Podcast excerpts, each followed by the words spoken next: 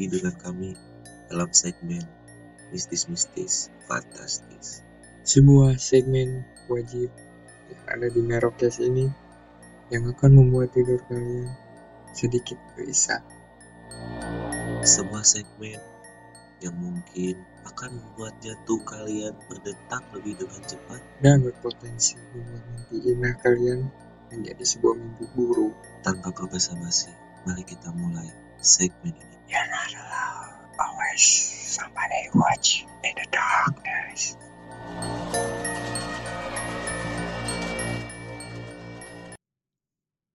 Hola people, welcome back to Merokes. The best podcast on Underworld. Ya, untuk episode kali ini, suara kita sengaja dibuat seperti ini karena kita akan membahas hal yang sangat sangat Membuat bulu kudukmu merinding. Dan juga bulu-bulu lainnya. ya ya kok jadi ke situ pak Iya ya, maaf. Biar gak tegang. Biar takutnya nanti baru denger sedikit udah udah ke trigger duluan ya udah skip skip ah. Gak takut takut. Nah, oke jadi kali ini kita akan berbagi cerita pengalaman kita tentang hal-hal mistik atau yang pernah kita alamin selama hidup kita dan juga mungkin hal-hal yang di luar nalar kita sebagai manusia, di luar logika kita, percaya atau tidak, kami serahkan pada kalian ya. satu hal lagi selalu ada mata yang memerhatikan kalian dalam kegelapan Itu dia. Oke, jadi gini. Eh, siapa dulu yang, yang mau mulai cerita? Bebas, bebas boleh. Dari lu dulu dah. Oke. Hmm, jadi pengalaman ini gua dapat mungkin 4 tahun lalu ya, Empat. 2008 2018 atau 2019 kira-kira ya. Waktu itu gua lagi mau holiday bersama si Pai ini ke Lagi-lagi gua, kampung halamannya yang berada di mana sih Pai? Gua lupa. kampung halaman gua tuh ada di Provinsi Jawa Tengah, daerah Kebumen, yang tepatnya di dekat pantai apa ya namanya? Pantai Ayah mungkin kali ya yang terkenal. Oh Gending. Eh Menganti. Ya, Menganti, Nah. Menganti. Ya itulah. Kalau desanya Desa Jintung. Nah, itu ya udah spesifik alamatnya karena kita bukan KKN Desa Penari yang disembunyikan alamat lengkapnya. Ya, betul. Ya, jadi ya begitulah ya. Empat tahun lalu ceritanya gua mau holiday. Ya sedikit inilah refreshing gitu kan. Refreshing, healing healing Mengobati rasa yang ada di hati. sambil ya melarikan sedikit dari yang namanya sakit hati. Nah, itu dia. Tapi ternyata waktu ke sana tuh kan niatnya itu gua mau healing gitu kan mau mengobati patah hati. Eh ternyata gua dapat sebuah kejadian yang mungkin gua akan ras pe- kejadian pertama kali seumur hidup dalam hidup gua. Oke. Oke, jadi kita awali dari waktu itu hari apa berangkat ya lupa gua. Kalau nggak serasa Rabu. Nah, antara hari itu ya antara Selasa dan Rabu gua dan dia berangkat eh, bersama Om lu gitu ya itu. Iya. Bersama Om Om lu gua. naik mobil dari rumah lu ya dari Parakat saat tuh menuju ke Jawa Tengah itu ke kampung halamannya teman gua ini. Nah, udahlah di perjalanan biasa biasa masih normal singkat cerita sampailah pagi ya di pagi yang cerah ya di pagi yang cerah itu gua Lu gua kerjain anjing. Nah itu juga salah satu pengalaman yang ngehe tuh ya. Bayangin aja nih, bayangin aja tidur gak nyenyak ya karena waktu itu sempit juga kan. Tapi ya yang namanya waktu itu pikirannya kan gak apa-apa lah sakit-sakit dahulu bersenang-senang kemudian kan Nah, gitu ya. Jadi gak apa-apa lah tidur sempit gitu kan badan pegal-pegal gak bisa tidur gak nyenyak. Perjalanan jauh juga kan Iya sih. lumayan. First time juga lu ya. First time eh, gua ke daerah Jawa Tengah main ini mah main gitu. Kalau ke Jawa Tengah buat misalnya rekreasi atau kunjin dengan keluarga atau dari sekolah dulu pas zaman sekolah ya itu udah pernah beberapa kali lah. Nah udahlah nyampe nih pagi-pagi set nyampe turun dari mobil kok mobilnya diparkir di sini si bangsat ini nih bilang itu naik sedikit ke atas tuh paling lima menitan tuh nah itu tuh rumah ini gua katanya rumah apa ya lu sebutnya ua kali ya. Ua tuh Iya, apa ya? atau rumah gua di Jawa lah. Ya rumah lu di Jawa lah ya biar gampang. Oke lah kita jalan nih set pikiran gue udah kasur kasur dan kasur ya. Oke. Karena udah gak tidur tuh di berapa jam tuh berapa jam perjalanan gak tidur. Karena gak bisa tidur tidur tidur juga tidur ayam kali ya. Set nah udah beres tanjakan itu. Nah pas gua nengok ke kanan sah bangsa itu kayak apa ya anjir itu kayak eh, seolah-olah kita tuh lagi mendaki gunung itu mau ke puncak tuh curam banget itu tanjakan anjing gua bilang ini gila sih. Tapi ya gak apa-apa ya di pikiran kan udah kasur-kasur gak apa-apa bersakit-sakit dahulu bersenang-senang kemudian ya balik dari gua tahu ke ya prinsip itu. yang yang lu pikirin saat pas baru tanjakan pertama tuh ada rumah kan di belah kanan pasti Iya. lu nyangkanya yang itu. Iya waktu gua mau masuk udah di depan teras kok si bangsat ini malah jalan terus gua panggil. Wah ini rumah lu bukan? Bukan itu di atas lagi. Pas gua nengok waduh bangsat bajingan emang bajingan itu. Udahlah nyampe lah nyampe. Ada uak lu kan yang tinggal di situ. Uak tuh kakaknya ayah ya kalau yang nggak tahu uak tuh kakaknya ayah. Nah suruh masuk mas masuk mas. Ngobrol ngobrol ngobrol ngobrol. Dikasih lah kopi ya kopi. Karena yang gua tahu nih dan gua baru pelajarin waktu itu ternyata adat di Jawa itu kalau bertamu harus disuguhkan kopi ya. Iya. Pasti disuguhkan bukan Iya. harus pasti pasti disuguhkan kopi. disuguhkan kopi. Itu adat di Jawa tuh. Oke lah gak apa-apa lah ngopi dulu kan pikiran gua. Pikiran gue udah capek tuh pengen langsung tidur tadi cuman gak enak kan diajak ngobrol diajak ngopi ya udahlah ngopi dulu pagi juga kan enak nih suasananya. Hmm, seruput seruput kopi ternyata gua lupa tuh waktu itu. Apaan? Perut masih kosong bos. Nih kopinya bukan kopi kopi sasetan. Sorry sorry ini. Kopinya kopi tubruk. Anjing itu strong banget tuh kopi. Baru dua seruput tuh mata gua langsung tadinya ngantuk langsung dar. Ah anjing. Deg-degan tuh jantung langsung duduk duduk duduk. Anjing kok baru baru nyampe tuh gua udah disuguhin kayak gitu. Itu sensasi kayak gitu adrenalin gitu anjir gua ini kayak ngapain ini deg-degan gini deg-degan. Lama-lama perut mulus murilit lah. Anjir udah tua ini asam lambung gua naik kata gua tuh.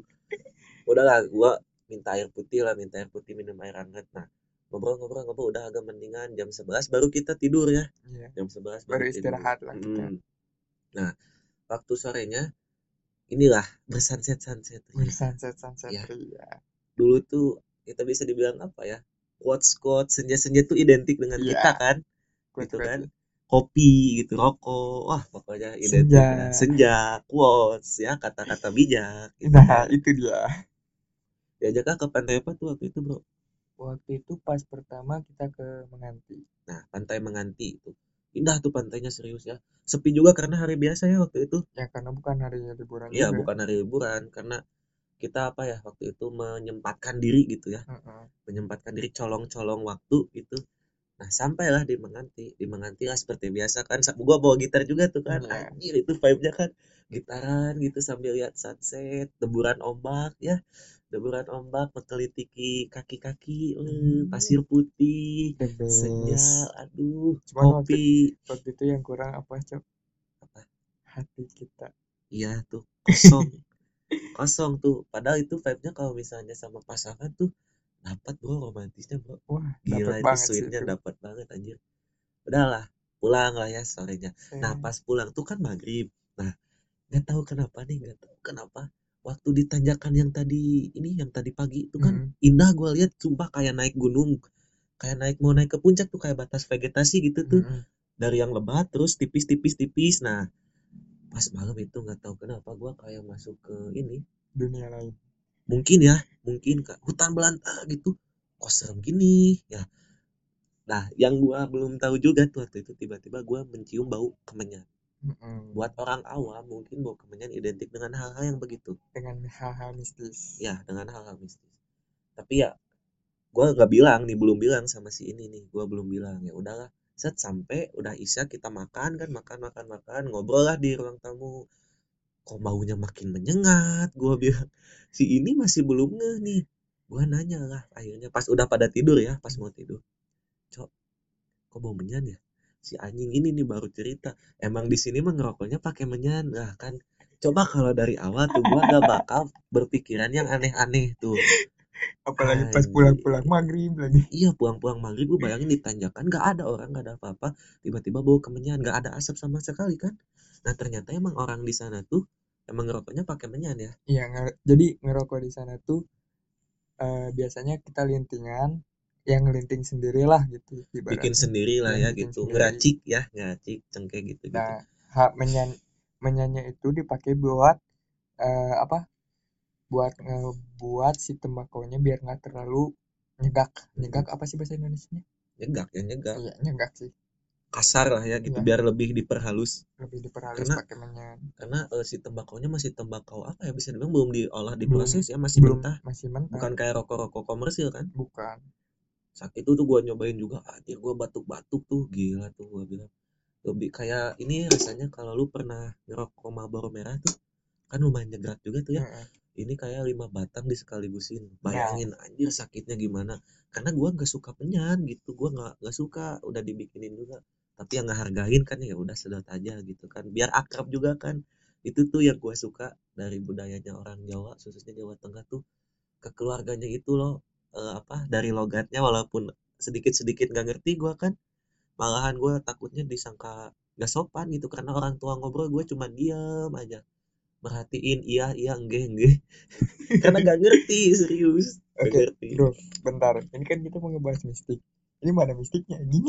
belum makanya stay tune aja nih biar kalau kalau gue masukin di awal nih takutnya pada kabur nih Nah, apalagi yang mentalnya lemah-lemah tuh ah, seru, nggak iya, seru, seru. tuh kan udahlah ini yang happy happynya dulu ya happy happynya dulu udahlah set niatnya nih pagi-pagi mau apa sunrise Sunrise. beda pantai bukan di Menganti mau ke pantai mana sih yang waktu itu Waktu itu tuh mau ke pantai apa ya? Yang Karangbolong gitu. ya kalau- itulah Apa gitu? Gue lupa lagi. Lampon Ya, ya, ya. Lampon. Lampon kan mau ke Lampon waktu itu pantai Lampon tapi oh usut diusut pas bangun subuh tuh udah hujan deras ya reda reda tuh Cuacanya rada tidak ya mendukung. iya reda reda tuh di jam enam setengah tujuan kali ya Ya, enam setengah sunrise tujuan sudah lewat. kan, udah lewat sebenarnya dan si nggak kelihatan mendung mendung. ya udahlah gue putusin tidur lagi ya waktu itu udahlah turu aja ya mas ya kita Ya. turu aja Turu aja. turu aja turu lah udah bangun bangun jam berapa tuh jam 2 kali ya ada Sore kalau nggak salah. enggak cuma masih siang Oh iya. masih siang Setengah duaan lah. setengah dua nah gabut kan ke mana dia ngajak Cabut pantai. pantai lagi ayo sunsetan nih. Jam masih jam 2 oke gaspol lagi nih kita nih. Pakai motor tuh ya. Wow jalannya uh jalannya nikmat banget serius tuh. Kalau kalian cobain ya kalau apalagi buat yang pendengar pendengar orang Jawa pasti tahu lah jalannya ya. Wah nikmat banget. Itu tuh jalan sebelum ke Jogja ya ngelewatin Ya. kampung halaman lu dulu kan? Jalan al- bisa disebut jalan alternatif. ya jalan alternatif buat menuju ke Jogja. Ke pantai? Eh ke rumah Ua lu yang ada di pantai Logendi. Logendi. Nah, di sinilah semuanya bermula. Semuanya eh, Singkat bermulai dari sini. nih, singkat cerita aja. Nyampe lah udah. Nyampe lah ya pokoknya ya. Hmm. Nyampe sekitar jam 3 ya. Jam 3 tuh. Gua langsung diajak ke kan buka buka warung juga ya warung, Mm-mm. warung makan. Makan loh. Wah, anjir makanan di situ juara sih. Makanan laut, Bro, seafood. Anjir sepuasnya. Wah, gua makan yang kenyang nih. Kapan lagi kan makan seafood gratis? Cumi. Wah, kepiting. Kenyang, kenyang. Ngerokok-ngerokok di depan ini sambil nyapa-nyapa tetangga ya bisa biasa ya. Eh, apa namanya? Orang kota datang pulang. orang kota kan beda banget ya nyentrik gitu ya orang kota mah kayaknya di sana gitu kan nyentrik gitu kan nah udahlah ngobrol-ngobrol nah jam 4 nih jam 4 kita mau sun sunsetan eh tapi pas mau sunsetan itu malah berenang malah berenang. Kelakuan kita berdua. ya malah berenang. Yang tadinya niat sunsetan ngecil malah berenang kayak bocil. Udah menemu gede apa eh, apa gedebong pisang. Apa sih sebutannya? Batang pisang lah ya. Main perahu perahu lu udah kayak bocil ya. Namanya juga me- membahagiakan diri sendiri kan ya? Terkadang buat membahagiakan diri sendiri itu perlu terlihat bodoh dulu ya. Betul bro. betul. Jadi jangan Tapi gengsi. Sebelum lanjut mending ngerokok dulu. Sampurna Mil masuk. Iya nih dari, Rokok mahal nih, masa nggak ada support?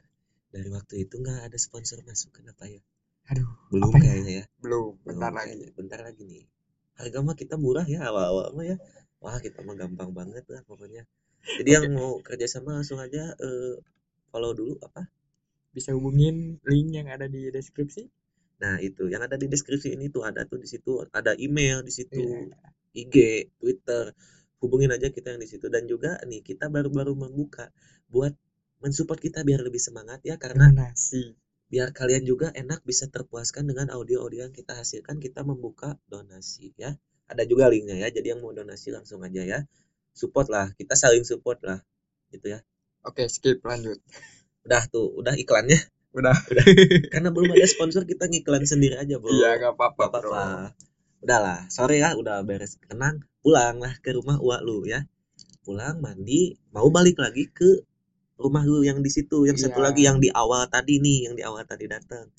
Tiba-tiba nggak tahu kenapa motornya nggak mau nyala. Kita terpaksa bongkar, lah kita bongkar dulu. oh iya, iya. Kita masih usahain buat balik karena masih jam 5 juga kan. Mm-mm. Bongkar, bongkar, bongkar, nggak kerasa udah setengah tujuh.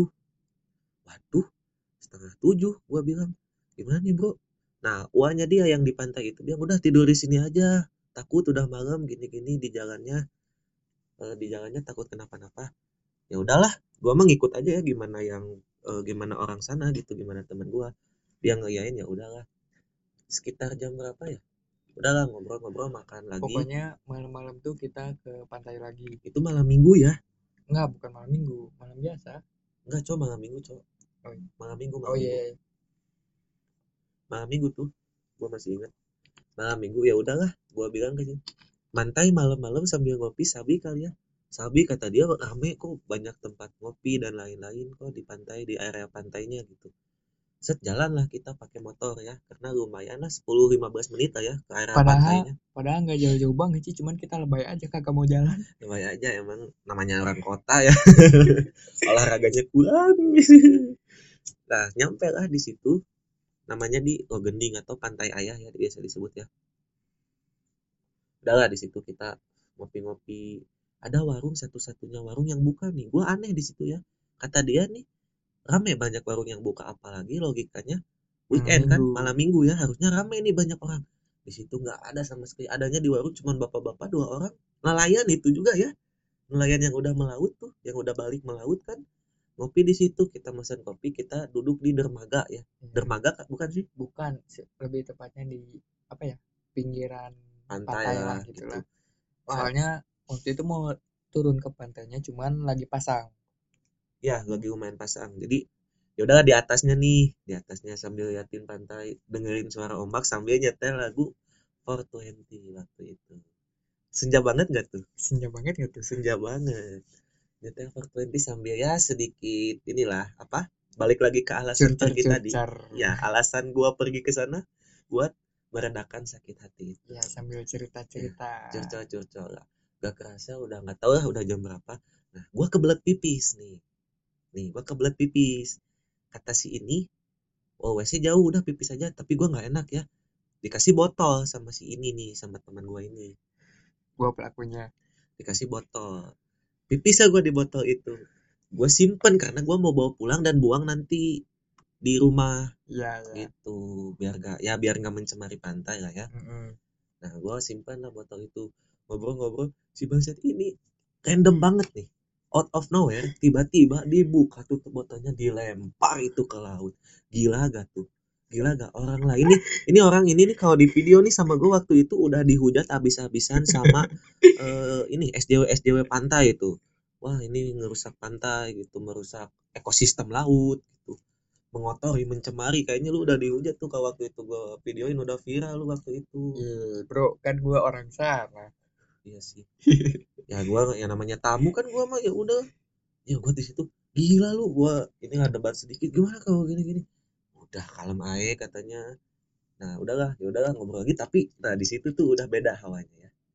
Lu ngerasain gak waktu itu jujur aja? enggak Gua ngerasain banget. enggak karena karena mungkin gua orang sana jadi gua ngerasanya ya Ya santai biasa ya gitu. santai. Nah, gua tamu nih, baru pertama kali nginjek kita di sana. Gua udah gak enak tuh. Tiba-tiba yang tadinya airnya emang pasang cuman eh, apa sih? Eh, pasangnya santai gitu ya lah. pasang santai tiba-tiba duar duar duar sampai sampai basuh baju kita basah tuh. Iya. Tiba-tiba gelombangnya tinggi banget tuh. Wah kita yang tadinya duduk jadi berdiri nih agak mundur. Aduh gimana nih bro? Gimana nih bro? Tenang tenang. Nah udah tenang lagi nih cuman berapa detik ya itu? Kita duduk lagi. Nah ini nih anjir gue merinding serius deminya ini nih pas kita lihat ke bawah ada ini ya. Ular ya? Ular ular apa sih? Nggak tahu. Nah, warnanya hitam sih ular warna hitam tapi kelihatan banget gak sih? Ya bukan banget. bukan ular sungguhan ya dalam tanda kutip iya kayaknya ya kayaknya. Ular tuh gue lihat liatin nah pas ada pasang lagi hilang dah tuh ular itu. Sebenarnya kalau misalnya diambil logika emang di pantai pasti selalu ada hewan yang nempatin mau di apa mau di pantai mana pun itu. Terutama di pantai-pantai yang ketemu air tawar atau payau. payau. Nah itu. Perbatasan muara ya sungai dan laut ya. Iya. benar kan? Nah pasti banyak. Tapi ini anehnya di dalam gelap itu ya gelap banget cahaya minim banget kan? Ya pantai gue tahu sendiri cahayanya gimana? Minim. Iya minim. Minim kan? Tiba-tiba itu ular Ular datang keluar. cerah ya kayak mancarin cahaya tapi warna hitam gitu. Gimana ya? Ya gitu lah logikanya ya. Nah si ular itu set bergerak bergerak gitu hilang. Ah di ke mana cok cok gimana? Ah udah di situ gak enak hati kita berdua cabut lah pulang. Gue sebenarnya sih santai aja cuman nih anak yang anjir. yang bikin gue panik. Pas aja gue ah udah udah udah kacau tuh di situ udah pikiran udah ke mana-mana udah lah balik lah. Mana nyium bau-bau bunga lagi. Waktu di gue kan gak nyium. Enggak. Wah nyium itu aduh. Kayak inilah kayak mau berangkat ke masjid wangi-wangian kayak gitu tuh. Nah udah lah sampai di rumah ngobrol-ngobrol lagi kita ngopi-ngopi ngobrol nah pada tidur si bedebah ini tiba-tiba tidur. Nah anehnya itu tuh capek banget ya. Mm-mm. capek banget. Gua maksudnya tidur kurang banget tuh. Paling sehari cuma tiga jam 4 jam dua jam tuh dalam sehari itu ya. Karena ya kita ke sana ke silaturahmi juga kan. Ke sana ke sini karena sedesa itu eh, saudara lu semua kan. Masuknya hampir sedesa Hampir itu. semua. jadi tidur kurang. Waktu itu padahal udah ngantuk tuh ya waktu di pantai. Pas gua nyampe kok gak bisa tidur padahal badan udah ngantuk banget tapi mata nggak bisa merem gitu. Iya ya iya. udahlah gua main HP main HP gak kerasa tiba-tiba gak tau jam berapa tuh ada nah, ini. ada suara eh, delman. Iya gue ngerti. delman tapi ya logikanya gini lah mana ada? Delman mana? Yang yang yang lu- keluar di jam jam 2 sekitar setengah dua atau jam 2 tuh dini hari lah pokoknya. Di di, di dekat pantai nah gua gua mau nanya nih emang ada delman di situ? Di daerah gua nggak ada yang punya delman. Nah itu. Ada suara delman. Rame banget suaranya ya. Jaga apa sih gemercik gemerciknya gitu kayak Mm-mm. suara perak beradu gitu kan. Kecik kecik kecik kecik kecik. Berhenti di depan rumah. Berhenti di depan rumah lu percis. Anjing gue bayangin gimana posisi gue mau lihat takut gak lihat lebih takut aja gue di situ baca semuanya yang gue bisa baca semuanya merem-merem wah itu gue udah keringet dingin semua udah wah udah chaos lah itu gue ya kalau part ini mending lu ceritain sendiri aja perasaan lu karena gua waktu itu pulas tidurnya. Iya. Nah udahlah. Nah ini cok beres-beresnya tuh gue tenang-tenangnya tuh. Terus nah gue lupa cerita nah dari dalam itu ada yang turun. Lu tahu kan kalau turun kedengeran banget? Udah berarti ces cek cek ngik gitu tak turun gitu tuh udah tapi nggak kedengeran langkah kakinya lagi. Dah dia nggak di situ ya? Udah tuh jam 3 jam 3 adan awal kan? Mm-mm. kedengaran suara adan adan berkumandang. Adan awal lah sebelum adan subuh biasanya adan awal. Baru tuh mulai tenang gua hati di situ. Mulai pulang dan udah nggak udah si hawanya udah set 180 derajat beda banget sama yang gua rasain di awal tadi. Oke. Beda banget. Udahlah akhirnya nggak tidur lah gue sampai pagi. Wah, gua, lu, lu lihat muka gue kan? Iya. Anjir muka gue kayak gimana kan? Gua pas bangun-bangun lu kagak tidur bro. Kagak. Gue udah wah udah disangka sakit ya sama uang lu juga. Hmm. kenapa mas sakit? Nah udahlah. Cerita lah gue akhirnya tragedi di malam itu ke keluarganya dia. Nah, dari penjelasan uang gua, ya karena gini nih, gue jelasin dulu eh, gimana ya kak kondisi kampung gua. Kampung gua tuh berada di daerah pantai selatan. and you know pantai selatan identik dengan apa Ya, ya You know itulah di salah satu pantai yang di dekat desa gua tuh ada pantai namanya Karangbolong. Nah, di situ ada kayak tempat persembahan untuk penguasa pantai selatannya Ya. itu. Nah, Jadi ya untuk hal seperti itu di daerah di kampung gua emang masih kental. kental banget ya nah dijelasin lah ternyata so gue gak kuat cok ceritain dah. Udah ini sharing aja ya. Nah ternyata setelah gue cerita dan eh, dicerna sama keluarganya dia dan lumayan bisa juga ya Hmm. orang bisa lah ya gitu. Gue sebenarnya agak skeptis. Orangnya gue jujur skeptis sama hal, -hal kayak gitu. Gue apa-apa pakai logika. Tapi setelah diceritain itu jantung gue rasanya mau copot dan you know yang diceritain yang datang itu yang turun dari dalam itu siapa? Si penguasa itu soalnya gini eh, dia itu orang bukan orang sana darah Dan- gue darah Sunda ya dan asli darahnya kental sedangkan silsilah dari orang Jawa dan orang Sunda itu ada yang ngatain di buku mana gitu silsilah orang Jawa yang lebih dulu dibanding darah Sunda Mm-mm. Nah, nah katanya tuh kayak katanya ya gara-gara gua itu si pipis gua dilempar sama lu Iya. tuh kan ke botol masuk ke pantai. Nah, yang nggak tahu ya lo ini mah penjelasan secara gampangnya Hmm. mungkin terbawa terbawa set tercium. Kok ini bukan yang biasanya gua cium, ini siapa? Kok asing gitu kan ya? Iya Ya karena gua bukan nggak ada sama sekali nggak ada darah Jawa gua, nggak ada darah Jawa Tengah, pure Sunda semua. Siapa? Nah katanya mau kenalan bilangnya. Entah, entah mau kenalan, entah mau ngajak. Nah itu. Terus gua dibilangin gini, untung gak tidur. Nah gimana tuh perasaannya?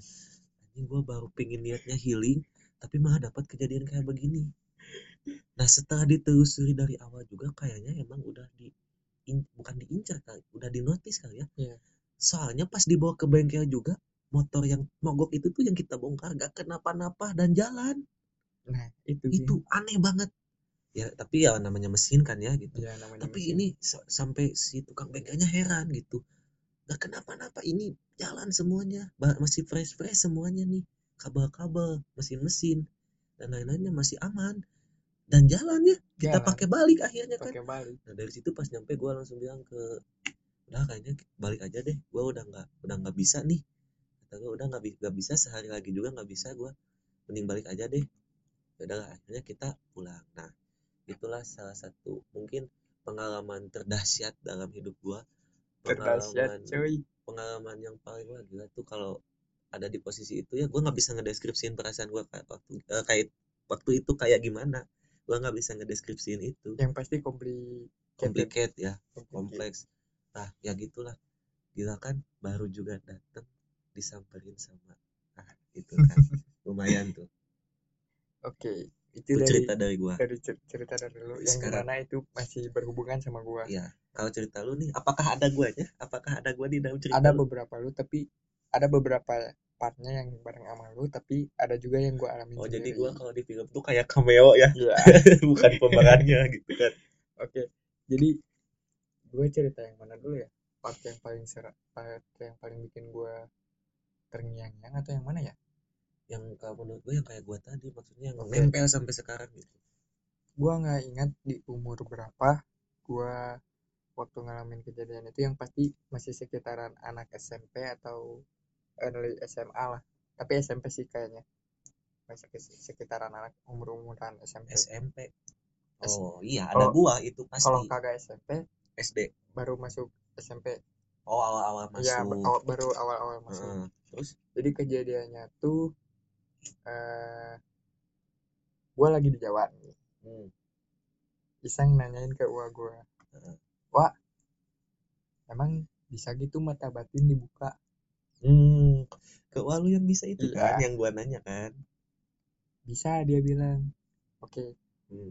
gimana cara ngebukanya emang benar yakin katanya mau dibuka pengen nyobain aja oke Tapi disclaimer dulu nih, Ya. hal-hal yang kayak gitu bukan buat dicoba-coba bro. bukan mau dicoba-coba Karena waktu itu masih kecil lu ya.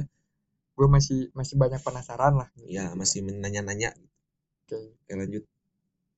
gue nggak gue padahal nggak ngelakuin apa-apa Hmm. tiba-tiba gua gue cuman nggak tahu apa ya kayak ngebaca surat-surat gitu tapi Hmm. nggak tahu apalah gue nggak nggak ngerti tiba-tiba bilang udah udah udah apaan ya udah Hah, di situ gue masih bingung tuh ah udah apaan sih nah itu tuh keadaannya masih jam sekitar jam 10-an kalau nggak salah 10 malam. enggak jam 10 siang Siang? masih siang Oh, siang. masih siang gue masih ngerasa aman lah Iya, santai iya, iya, iya. iya. nah masuk masuk jam 3 jam 4 sore perasaan gua tuh agak agak gimana ya agak aneh Hmm. perasaan di dalam diri sore tuh itu jam berapa kira-kira jam 3 jam 4an perasaan di dalam asar lah ya? Ya Hmm. udah asar perasaan di dalam diri gue tuh agak, agak aneh. Gue kan biasalah kalau misalnya gue di lagi di kampung tuh duduk di teras sambil ngeliatin orang-orang lewat gitu. Kayak yang Hmm. pakai motor nyapa Hmm, nyapa hmm, gitu. gitu. ada orang turun jalan set. Gue bilang ke mana mbak? Diem aja tuh. Dia jalan aja lurus. Cewek, Hmm. dia jalan aja lurus set. Oke. Ah gue Gak dengar kali ya ya. gue pikir dah nggak dengar Hmm. Pa- pas udah masuk maghrib nih itu awalnya ya pas pas masuk maghrib nih set suasana maghrib di kampung you know lah Hmm. kayak masuk dunia lain gitu Hmm. gue ngeliat ada orang bawa obor karena emang di sana kan orang-orangnya waktu zaman gue kecil itu masih agak apa ya motor juga masih jarang keluar gitu Oh, Ya. Jalan pakai obor gue liatin gue kira mau ya biasalah mau ke masjid gitu atau Hmm. gimana atau mau ke mana gitu bawa obor set.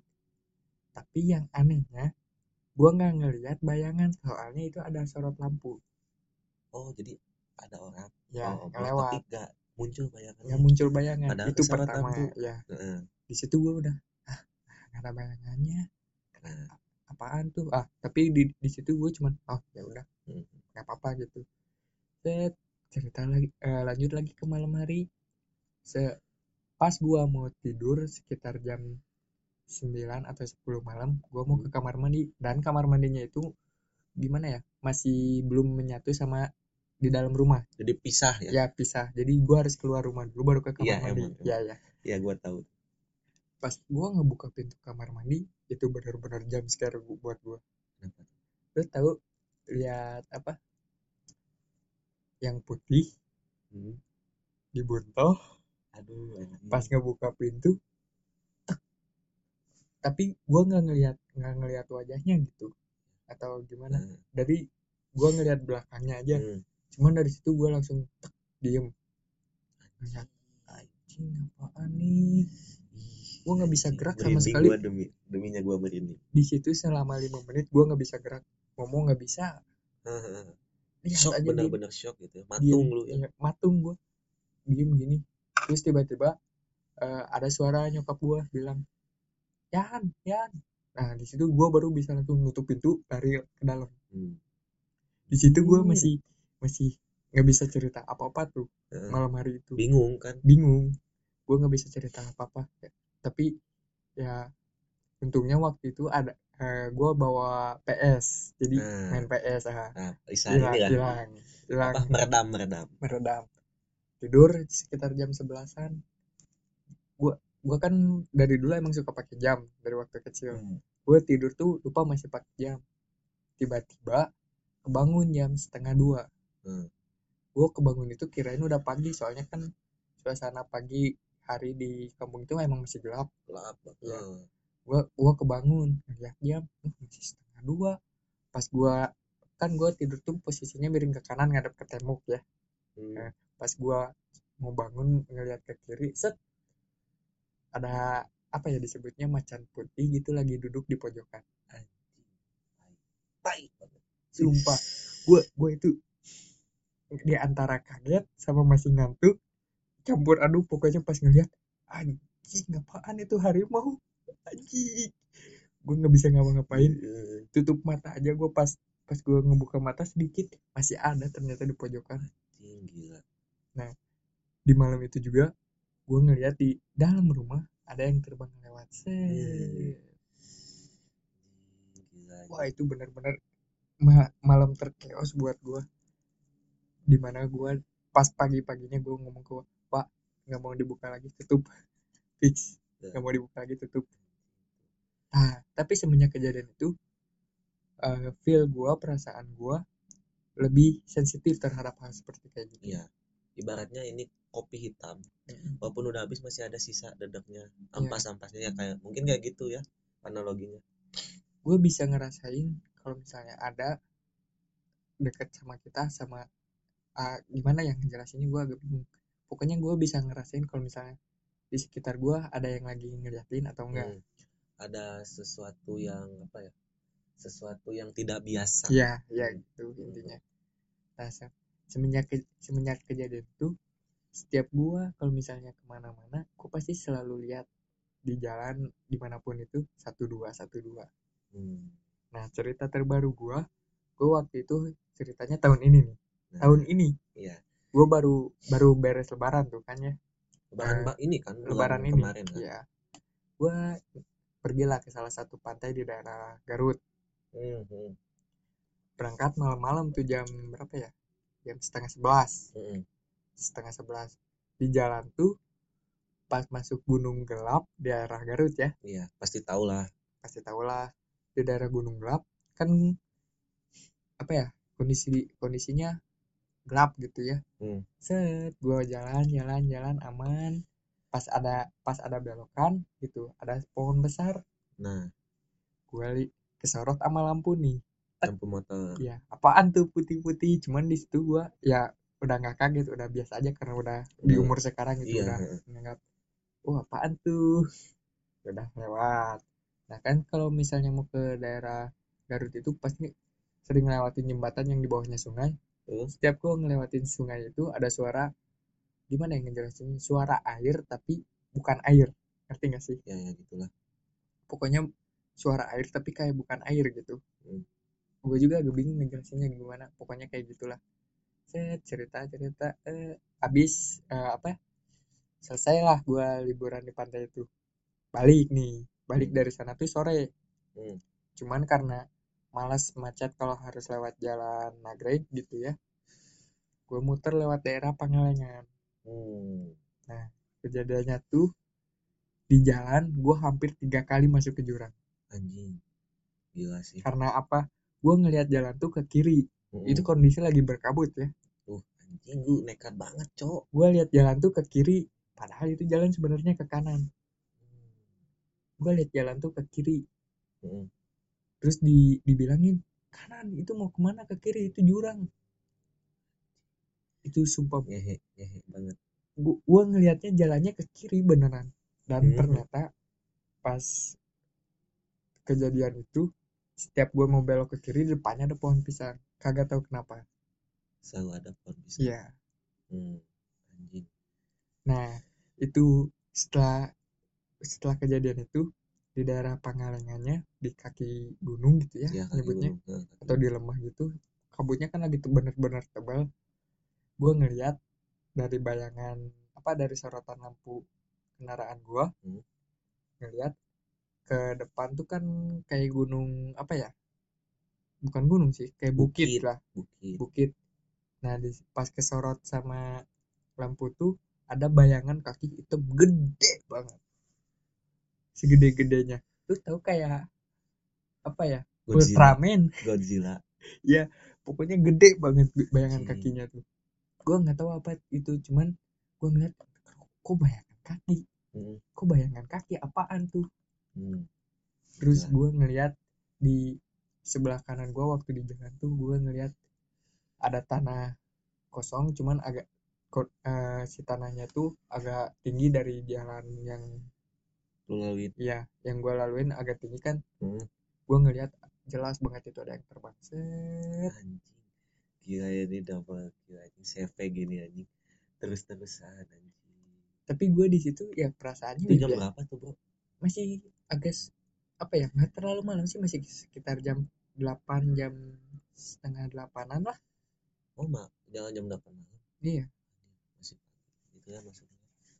Anjing gila sih. Jadi kalau bu gue pribadi gue terhadap hal-hal mistis kayak gini gue nggak pernah apa ya nggak pernah skeptis dan terlalu terlalu apa ya nyebutnya riweuh gitu. Iya terlalu terlalu intu gitu ya ya, terlalu, terlalu masuk. itu kayak yang kayak itu soalnya buat gue karena gue berhubung orang Jawa dan keluarga gue dan daerah kampung gue itu masih kenal hal yang begitu jadi gue Hmm. biasa aja ke bawahnya karena mau di mana pun kecil itu kan. ya jangan kan gitu gue waktu tahun 2014 waktu kakak gue meninggal gue pas di kuburannya gue ngeliat dia ya Anjing. mungkin itu hal beberapa. Gue waktu kecil waktu sekitar masih umur anak SD main sama saudara gue di kampung. Gue pernah main di kuburan tidur di kuburan. Anjing, gila gak tuh? Gila lu mis main di kuburan siang-siang ketiduran. Sampai sore emak nyariin ih malah ketiduran sini. Ya capek habis main. Gila nih lu dari dari ini udah ini ya dari kecil udah mistik sejak dini gitu ya jadi Udah- gue udah, kental, udah anjing. bukan kebiasa terbiasa sih jadi gue udah nggak aneh lah hal-hal mistis kayak gitu soalnya dari kecil juga gue tuh selalu dikasih tahu sama gua gua keluarga gua saudara-saudara gua nyokap bokap gua Hmm. di mana pun kamu berada pasti ada satu salah satu pasti ada satu mata yang merhatiin kamu dari gelap Hmm. Itu tuh, itu pengalaman lu ya. Atau- Anjing. gimana ya? Ya itu sih. Udahlah. Ah gila sih gue udah gak kuat sebenarnya lanjut lagi nih. Anjir udah merinding banget gue mau mau gue tambahin nggak? Nanti deh mending buat nanti aja lah. Nggak, ini gue tambahin dikit ya. Gue sebenarnya nggak mau ngerusak suasana recording ini. Cuman saat recording ini, secara nggak sadar, ternyata ada yang merhatiin. nah udah lah ngehe ngehe ya udah kita cool down dulu Dia, kita chill dulu. dia udah dia udah kagak kuat soalnya. gue udah gak kuat anjing. Udah kita chill dulu ya kita chill dulu. Jadi konklusinya apa nih dari pembahasan ini? Jadi konklusi soal pembahasan ini adalah jagalah etika kalian ketika di mana pun berada. attitude yang paling penting ya karena yang lu bilang tadi ya pasti gitu. Pasti, Pasti. ada. Percaya atau gak percaya itu balik lagi ke pribadi masing-masing kan percaya atau gak percaya itu balik lagi ke pribadi masing-masing tapi yang kita share di sini itu mau kalian percaya silahkan nggak juga nggak apa-apa karena kita Karena- cuman share pengalaman Ya, pribadi share aja pengalaman dan cerita-cerita kita. dan gue yakin kayaknya setiap orang pernah mengalami hal-hal kayak begitu. Pasti. pasti. Entah sadar atau tidak Ya, gitu kan. Nah jadi pokoknya kalau menyangkut hal kayak gitu ya di yang pokoknya di luar nalar dan di luar kemampuan kalian udahlah jangan buat ajang coba-coba nih buat dari gua nih ya kalau misalnya kalian menghadapi hal-hal mistik kayak gitu jangan coba kalian lawan. Ya. jadi lebih baik kalian biarin perasaan itu masuk ke dalam diri kalian biar kalian jadinya let it flow. Hmm, jangan dilawan. Kalau misalnya dilawan kalian malah cuma tambah takut gitu. Itu tuh. Jadi harus lebih berani lah ya gitu. Iya. Jangan sampai ketakutan kalian itu dijadikan makanan oleh Iya. itu nah gitu ya pokoknya. Kalian tahu sendiri kan ada pemah ada banyak orang yang bilang ketakutan itu membuat mereka senang. Nah itu makanya cara cara meminimalisirnya ya. Ya beranikan diri aja perkuat mental lagi gitu. Nah itu tadi ya sedikit cerita dari kita berdua ya. Karena nanti nih dari intro mungkin kalian sudah nge ini adalah segmen wajib yang artinya dalam setiap season kita bakal ada bahasan tentang hal-hal kayak begini. Entah itu cerita orang lain atau cerita kita lagi mungkin. Iya. Atau nanti ada bintang tamu yang ingin nge-share sedikit pengalaman pengalamannya kan. Siapa siapa yang tahu gitu kan. Jadi pokoknya stay tune terus ya di Merokis ini. Karena banyak banget bahasan kita perjalanan kita masih panjang ya. Nih pokoknya buat kalian-kalian yang masih sendiri yang bingung gitu mau ke mana yang merasa tidak punya teman tenang aja dengerin aja kita ya anggap aja kita lagi ngobrol gitu kan ngobrol dengan kalian lagi sharing gitu. Iya. Oke, jadi gue sebenarnya masih pengen nambahin sih, soalnya masih banyak yang cerita gue. ya tapi gue udah nggak sanggup ini Lu- lihat nih lihat lu bulu kuduk inget gua Waktu kita ngecamp bulan Juli gitu, Juli Juni tahun lalu, yang di Gunung Putri. Eh, Nah, di situ juga ada. anjing udah skip bye